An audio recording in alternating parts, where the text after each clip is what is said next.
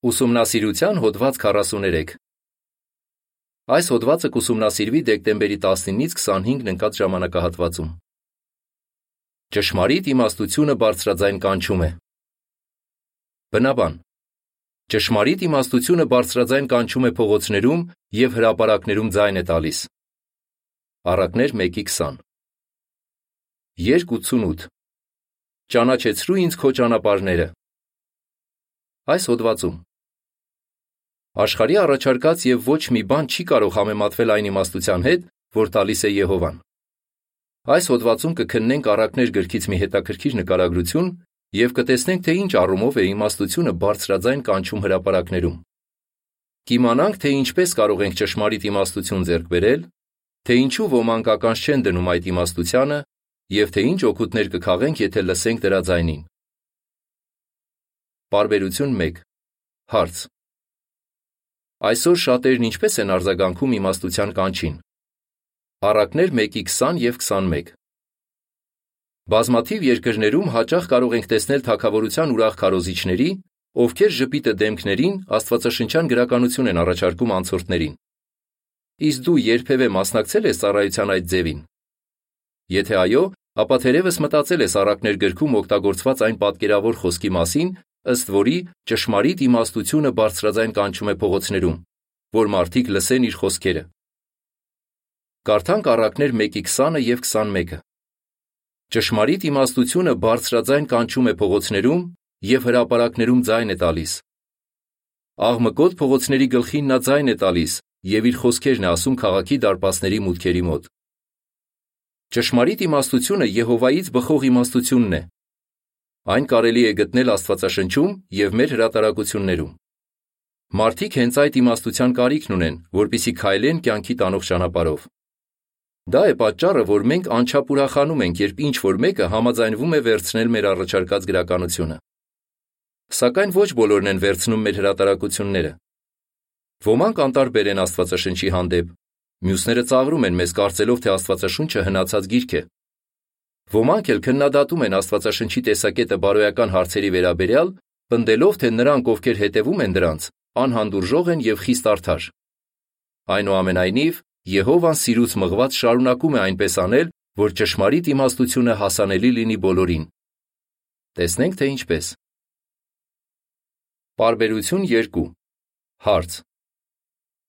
Որտեղ կարելի է գտնել ճշմարիտ իմաստություն բայց ինչ է նախընտրում անել մարդկանց մեծամասնությունը։ Եհովան այնպես է արել, որ իր խոսքը Աստվածաշունչը հասանելի լինի աշխարի գրեթե բոլոր մարդկանց։ Իսկ ինչ կարելի է ասել Աստվածաշնչի վրա հիմնված մեր հրատարակությունների մասին։ Այսօր դրանք հասանելի են ավելի քան 1000 լեզուներով, ինչը անկասկած Եհովայի օրհնության շնորհիվ է։ Նրանք, ովքեր ականջ են դնում իմաստության ձայնին, այսինքն կարդում են Աստվածաշունչն ու մեր հրատարակությունները եւ կիրառում սովորածը, մեծ օգուտներ են խաղում։ Բայց ցավոք մարդկանց մեծամասնությունը անտարբեր է ճշմարիտ իմաստության հանդեպ։ Որոշումներ կայացնելիս նրանք նախընտրում են ապավինել սեփական իմաստությանը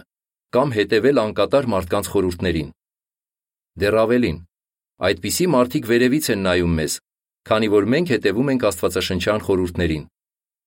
Այս հոդվածից կիմանանք, թե մարդիկ ինչու չեն լսում իմաստության ձայնին։ Բայց նախ տեսնենք, թե ինչպես կարող ենք ձեռք բերել Եհովայից եկող իմաստությունը։ Եհովայի մասին գիտելիքները իմաստուն են դարձնում։ Բարբերություն 3 Հարց. Ինչ է հարկավոր անել ճշմարիտ իմաստություն ձեռք բերելու համար։ Իմաստությունը գիտելիքները ճիշտ օգտագործելու եւ խելացի որոշումներ կայացնելու ունակությունն է սակայն ճշմարիտ իմաստությունը ավելին է ներառում։ Աստվածաշնչում կարդում ենք. Եհովայի հանդեպ վախը իմաստության սկիզբն է, եւ ամենասուրբի մասին գիտելիքն է հասկացողությունը։ Առակներ 9:10 Փաստորեն մենք ճշմարիտ իմաստություն ձեռք կբերենք, երբ կարևոր որոշումներ կայացնելիս առաջնորդվենք ամենասուրբի մասին գիտելիքով, այսինքն Եհովայի մտածելակերպով։ Իսկ այդ գիտելիքները ստանալու համար մենք պետք է ուսումնասիրենք Աստվածաշունչը եւ դրա վրա հիմնված հրատարակությունները։ Բարբերություն 4 Հարց. Ինչու միայն Եհովան կարող է մեզ իսկապես իմաստուն դարձնել։ Միայն Եհովան կարող է մեզ իսկապես իմաստուն դարձնել։ Նա է ճշմարիտ իմաստության միակ աղբյուրը։ Ինչու ենք այդպես ասում։ Նախ այն պատճառով, որ նա մեր արարիչն է եւ ամեն բան գիտի իր ստեղծագործության մասին։ Երկրորդ, Եհովայի բոլոր գործերը վկայում են, որ նա իմաստուն է։ Եվ երրորդ, Եհովայի իմաստուն խորհուրդները միշտ օգուտներ են բերում նրանց, ովքեր կիրառում են դրանք։ Եթե ցանկանում ենք ճշմարիտ իմաստություն ձեռք բերել, պետք է ընդունենք այս երեք հիմնարար ճշմարտությունները եւ որևէ բան անելիս կամ որևէ որոշում կայացնելիս առաջնորդվենք դրանցով։ Բարբերություն 5 Հարց. Ինչ է լինում արդյունքում, երբ մարդիկ հրաժարվում են ընդունել Եհովային որպես ճշմարիտ իմաստության միակ աղբյուրի։ Այսօր շատերը թեև ընդունում են, որ բնությունը հրաշալի կերպով է նախագծված, բայց չեն ընդունում արարչի գոյությունը եւ պնդում են, որ ամեն ինչ էվոլյուցիայի արդյունք է։ Մյուսներն էլ գուցեև հավատում են Աստծուն, սակայն նախընտրում են ապրել սեփական չափանիշներով, քանի որ կարծում են, թե Աստվածաշնչյան սկզբունքները հնացած են։ Բայց եկեք մտածենք. արդյոք աշխարհն ավելի լավն է դարձել, երբ մարդիկ Աստծո իմաստությամբ առաջնորդվելու փոխարեն սկսել են ապավինել սեփական իմաստությանը։ Արդյոք դա նրանց իսկական երջանկություն եւ ապագայի ամուր հույս է տվել։ Մեր շրջապատող աշխարհը փաստում է, որ հետևյալ խոսքերը իրոք ճշմարիտ են։ Ընդդեմ Եհովայի ոչ իմաստություն կա, ոչ խորաթափանցություն, ոչ էլ խորուրդ։ Առակներ 21:30 Այս բանի գիտակցումը մղում է մեզ, որ Եհովայի մոտ իմաստություն փնտրենք։ Բայց ցավոք մարդկանց մեծամասնությունը այդպես չի վարվում։ Ինչու՞։ Ինչու են մարդիկ մերժում ճշմարիտ իմաստությունը։ Պարբերություն 6 Հարց. Առակներ 1-22-ից 25 համարների համաձայն ովքեր ականջ չեն դնում ճշմարիտ իմաստությանը։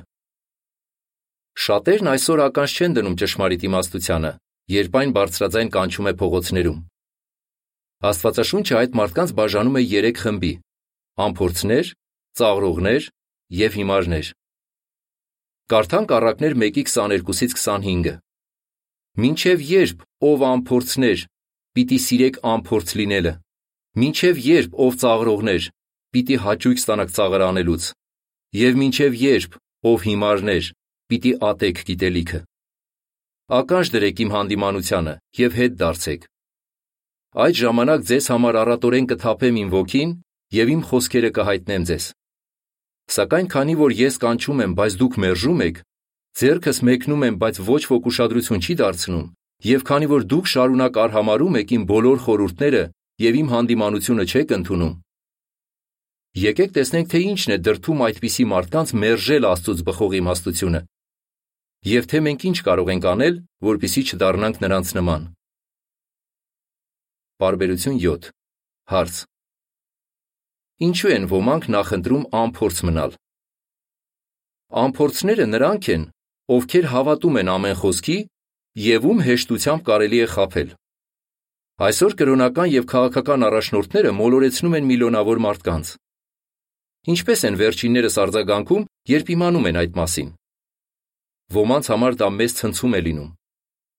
Բայց ոմանք էլ առակներ 1:22-ում նշված ամփորձների նման նախընտրում են խապված մնալ քանի որ նրանց դուր է գալիս այդ վիճակը։ Նրանք առաջնորդվում են իրենց կմահաճույքներով եւ չեն ցանկանում իմանալ, թե ինչ է ասում Աստվածաշունչը, կամ պարզապես չեն ուզում ապրել դրա համաձայն։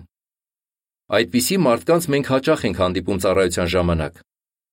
Նրանցից շատերի մտածելակերպը նման է Կանադայում ապրող մի կրոնասեր կնոջ մտածելակերպին, ով իրեն այցելող վկային հետևյալն ասաց.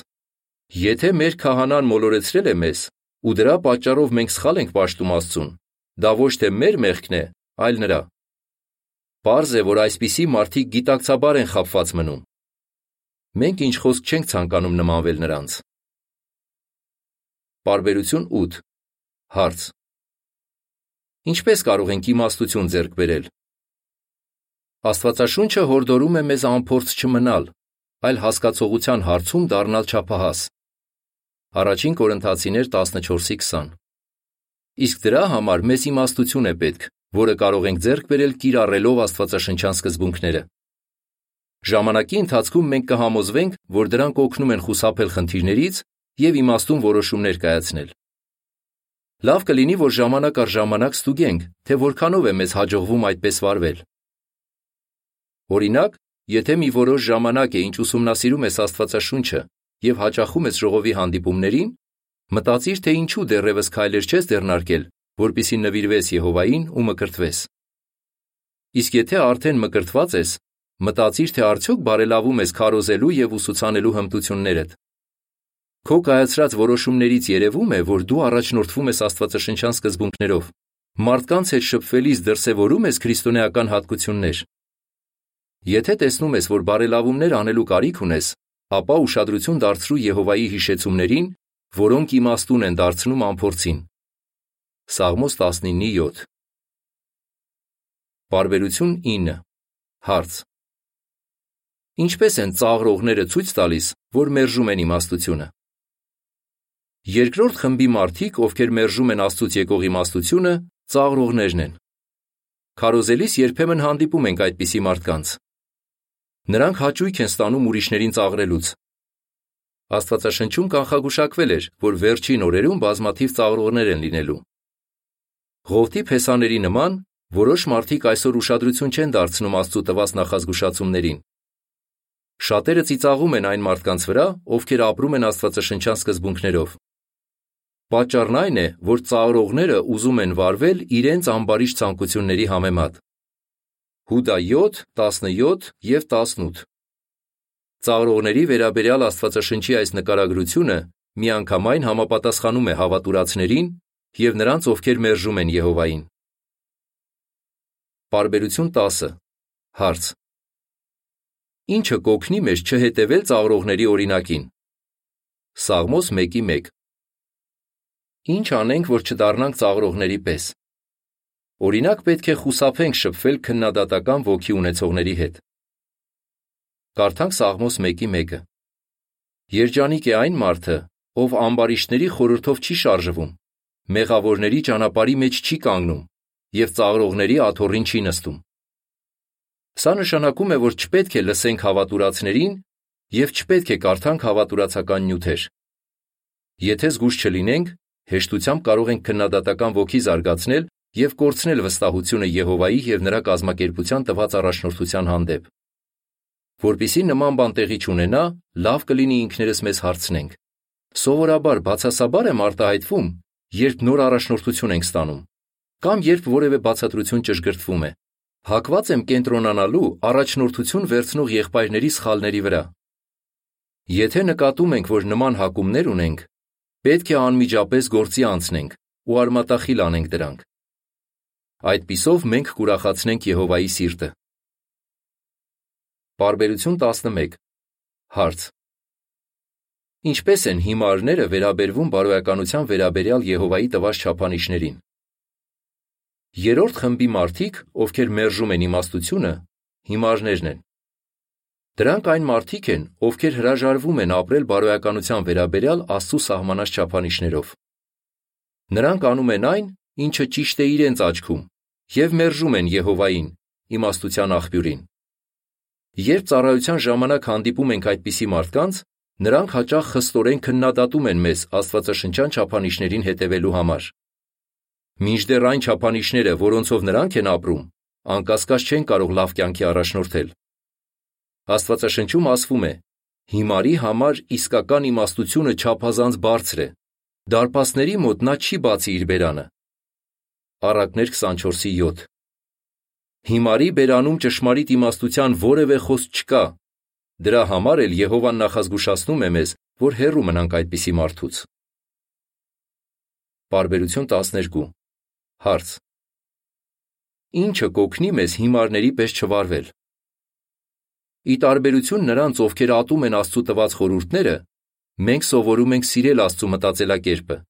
այդ թվում նրա սահմանած բարոյական չափանիշները։ Այդ սերը խորացնելու համար կարող ենք համեմատել հնազանդության օգուտները անհնազանդության բերած դառը հետևանքների հետ։ Մտածիր, թե ինչ խնդիրների մեջ են ընկնում այն մարդիկ, ովքեր անմտորեն մերժում են Եհովայի իմաստուն խորհուրդները։ Այնուհետև խորիր այն մասին, թե Աստծուն հնազանդվելու շնորհիվ Ինչ լավ կյանքով ես ապրում դու։ Բարբերություն 13 Հարց. Արդյոք Եհովան ստիպում է մեզ, որ հետևենք իր իմաստուն խորհուրդներին։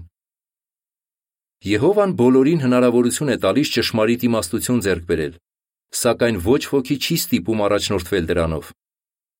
Այդուհանդերձ, նա նախազգուշացնում է, թե ինչ հետևանքներ են լինում, երբ ինչ որ մեկը չի հետևում իր տված իմաստուն խորհուրդներին։ Նրանք, ովքեր որոշում են չհնազանդվել Եհովային, իրենց ճանապարհի պտղից պիտի ուտեն։ Առակներ 1:29-ից 32 Ժամանակի ընթացքում նման ապրելակերպը ցավ ու տարապանք կպատճառի նրանց եւ ի վերջո կտանի կործանման։ Իսկ նրանց, ովքեր լսում են Եհովայի իմաստուն խորհուրդները եւ հետևում դրանց, հետեւյալ խոստումն է տրվում. Ով լսում է ինձ, ապահով կբնակվի, եւ փորձանքի հանդեպ սարսափը նրան չի անհանգստացնի։ Առակներ 1:33 Ճշմարիտ իմաստությունը օգուտներ է բերում։ Բարբերություն 14 եւ 15 Հարց. Ինչ ենք սովորում առակներ 4:23-ից։ Երբ առաջնորդվում ենք Աստծո իմաստությամբ, միշտ օգուտներ ենք քաղում։ Ինչպես տեսանք, Եհովայի տված իմաստուն խորհուրդները հասանելի են բոլորին։ Օրինակ, առակներ գիրքը լի է գործնական խորհուրդներով, որոնք երբեք չեն հնանում։ Դրանք կիրառելով կարող ենք բարելավել մեր կյանքը։ Քննենք այդ խորհուրդներից 4-ը։ Պահպանիր քո փոխաբերական սիրտը։ Աստվածաշունչն ասում է. այն ամենից առավել, ինչը պետք է պահպանվի, քո սիրտը պահպանիր, որովհետև դրանից են կյանքի աղբյուրները։ Առակներ 4:23 Բառացի սիրտը առողջ պահելու համար հարկավոր է առողջ սնվել, բավականաչափ ֆիզիկական վարժություններ անել եւ խուսափել վնասակար սովորություններից։ Նույնն է պարագան մեր փոխաբերական սիրտը առողջ պահելու դեպքում։ Մենք պետք է ամեն օր սնվենք Աստծո խոսքով, ինչպես նաև պատրաստվենք, հաճախենք եւ մասնակցենք ժողովի հանդիպումներին։ Հարկավոր է նաև հոգեվորապես ակտիվ մնալ, ջանքեր թափելով, որ կանոնավորաբար մասնակցենք ծառայությանը։ Բացի այդ, մենք պետք է խուսափենք վնասակար սովորություններից եւ հեռու մնանք ցանկացած բանից, ինչը կարող է ապականել մեր միտքը, օրինակ զվարճության ամբարո ձևերից եւ վատ ընկերակցությունից։ Նկարի մակագրության մեջ ասվում է. Ժողովի հանդիպումներին մասնակցելը հոգեվորապես ամրացնում է մեզ։ Բարբերություն 16 Հարց. Ինչու է առակներ 23-ի 4 եւ 5 համարներում գրված խորհուրդը անչափ գործնական մեր օրերում։ Գոհ եղիր այն ամենով, ինչ ունես, Աստվածաշունչը հետևյալ խորհուրդն է տալիս. հարստություն ձեռք բերելու համար տքնաճան մի աշխատիր։ Միթե աչքերդ հարստության վրա ես հառում, չնայած որ այն ոչինչ է։ Այն անպայման արծվի թևերի պես թևեր կշինի իր համար եւ դեպի երկինք կթրջի։ Առակներ 23-ի 4 եւ 5 Թեև հարստությունը մնայուն բան չէ, բայց թե հարուստները, թե աղքատները այսօր տարված են փող աշխատելու մոլուցքով։ Դրա պատճառով նրանք հաճախ անում են բաներ, որոնք վնասում են իրենց համբավը, մարդկանց հետ ունեցած փոխհարաբերությունները եւ նույնիսկ առողջությունը։ Սակայն իմաստությունը օգնում է հավասարակշռված տեսակետ ունենալ փողի վերաբերյալ։ Դրա շնորհիվ մարդիկ կարող են խուսափել ագահությունից եւ լինել բավարարված ու երջանիկ։ Նկարի մակագրության մեջ ասվում է. Փողի վերաբերյալ հավասարակշռված տեսակետ ունենալը օգնում է, որ բավարարվենք մեր ունեցածով։ Բարբերություն 17 Հարց. Ինչպես կարող ենք իմաստունների լեզու ձեռք բերել։ Առակներ 12-ի 18 Խոսելուց առաջ մտածիր։ Եթե զգուշ չլինենք, մեր խոսքերով կարող ենք մեծ վնաս պատճառել ուրիշներին։ Աստվածաշնչում ասվում է. Կա մարդ, որ անմտածված է խոսում, եւ սրի պես խոցում է,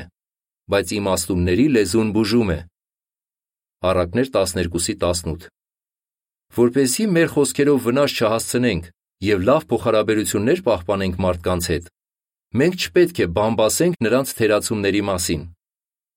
Մենք նաև ուզում ենք, որ մեր խոսքը բուժիչ լինի։ Իսկ դրա համար մեր սիրտը պետք է լցված լինի Աստվածաշնչյան գիտելիքներով։ Երբ կարդանք Աստծո խոսքը եւ խորհրդացենք դրա շուրջ, Մեր խոսքերը իմաստության աղբյուր կլինեն մարդկանց համար եւ կթարմացնեն նրանց։ Նկարի մակագրության մեջ ասվում է. Խոսելուց առաջ մտածելը կօգնի, որ մեր խոսքերով չվնասենք ուրիշներին։ Բարբերություն 18 Հարց Կիրառելով առակներ 24-ի 6-ում գրված սկզբունքը, ինչպես կարող ենք հաջողության հասնել ծառայության մեջ։ Հետևիր առաջնորդությանը։ Առակներ 24-ի 6-ում հետևյալ գործնական խորհուրդն է տրվում. Հմուտ առաջնորդությամբ վարիր քո պատերազմը, եւ խորհրդատուների շատության դեպքում փրկություն է լինում։ Հաջողություն է լինում։ Նոր աշխարհ թարգմանություն 2013 թվական անգլերեն ծանոթագրություն։ Այս սկզբունքն ինչպես կարող է օգնել մեզ հաջողության հասնել քարոզելու եւ ուսուցանելու գործում։ Ծառայությունը մեր նախընտրած ձևով կատարելու փոխարեն պետք է ձգտենք հետևել տրված առաջնորդությանը։ Մենք իմաստուն առաջնորդություն ենք ստանում քրիստոնեական հանդիպումներին, որոնց ընթացքում փորձառու խորհրդատուները աստվածաշնչյան ելույթներ եւ ցուցադրումներ են ներկայացնում։ Բացի այդ, Եհովայի կազմակերպությունը օգտակար գործիքներ է տրամադրում տեսանյութերի եւ հրատարակությունների տեսքով, որոնց միջոցով կարող ենք օգնել մարդկանց հասկանալ Աստվածաշունչը։ Փորձում ես հմտանալ այդ գործիքներից օգտվելու հարցում։ Նկարի մակագրության մեջ ասվում է. Կազմակերպության տված առաջնորդությանը հետևելը կօգնի, որ բարելավենք մեր ծառայության որակը։ Բարբերություն 19 Հարց Ինչ տեսակետ ունես Եհովայի տված իմաստության վերաբերյալ։ Առակներ 3-ի 13-ից 18 Կարդանք առակներ 3-ի 13-ից 18-ը։ Երջանիկ է այն մարդը, որը իմաստություն է գտել, եւ այն մարդը, որը խորաթափանցություն է ձեռք բերել, քանի որ իմաստություն ձեռք բերելն ավելի լավ է, քան արծաթ ձեռք բերելը, եւ նրանից ստացած շահույթն ավելին է, քան ոսկուց ստացածը։ Այն ավելի թանկ է, քան մարջանները, եւ այն բոլոր բաները, որ թանկ են քեզ համար, չեն կարող հավասարվել նրան։ Նրա աջ ձեռքում երկար օրեր են, իսկ ձախ ձեռքում հարստություն ու փառք։ Նրա ճանապարհները հաճելի ճանապարհներ են, եւ նրա բոլոր ուղիները խաղաղություն են։ Այն կյանքի ծառ է նրանց համար, ովքեր բռնում են նրան, եւ նրան ամուր բռնողները երջանիկ կկոչվեն։ Մենք շատ ենք գնահատում Աստծո խոսքում գրված իմաստուն խորհուրդները։ Ինչ էինք անելու առանց դրանց։ Այս հոդվածում քննեցինք ընդամենը մի քանի գործնական խորհուրդ։ Սակայն Աստվածաշունչը լի է նման իմաստուն խոսքերով։ Եկեք վճռենք միշտ վարվել Եհովայի տված իմաստության համաձայն։ Կարևոր չէ, թե աշխարհը ինչ տեսակետ ունի այդ իմաստության վերաբերյալ։ Կարևորն այն է, որ մենք համոզված ենք, այն ամուր բռնողները երջանիկ կկոչվեն։ Կրկնության հարցեր։ Ինչ կպատասխանես։ Ինչպես կարող ենք ձեռք բերել ճշմարիտ իմաստություն։ Ինչու շատերը ականջ չեն դնում իմաստության ձայնին եւ ինչ է լինում դրա արդյունքում։ Առակներ գրքում գրված խորհուրդներից հատկապես ո՞րն է օգտակար եղել քեզ համար։ Երկ 36 Պահպանենք մեր սիրտը։ Հոդվացի ավարտ։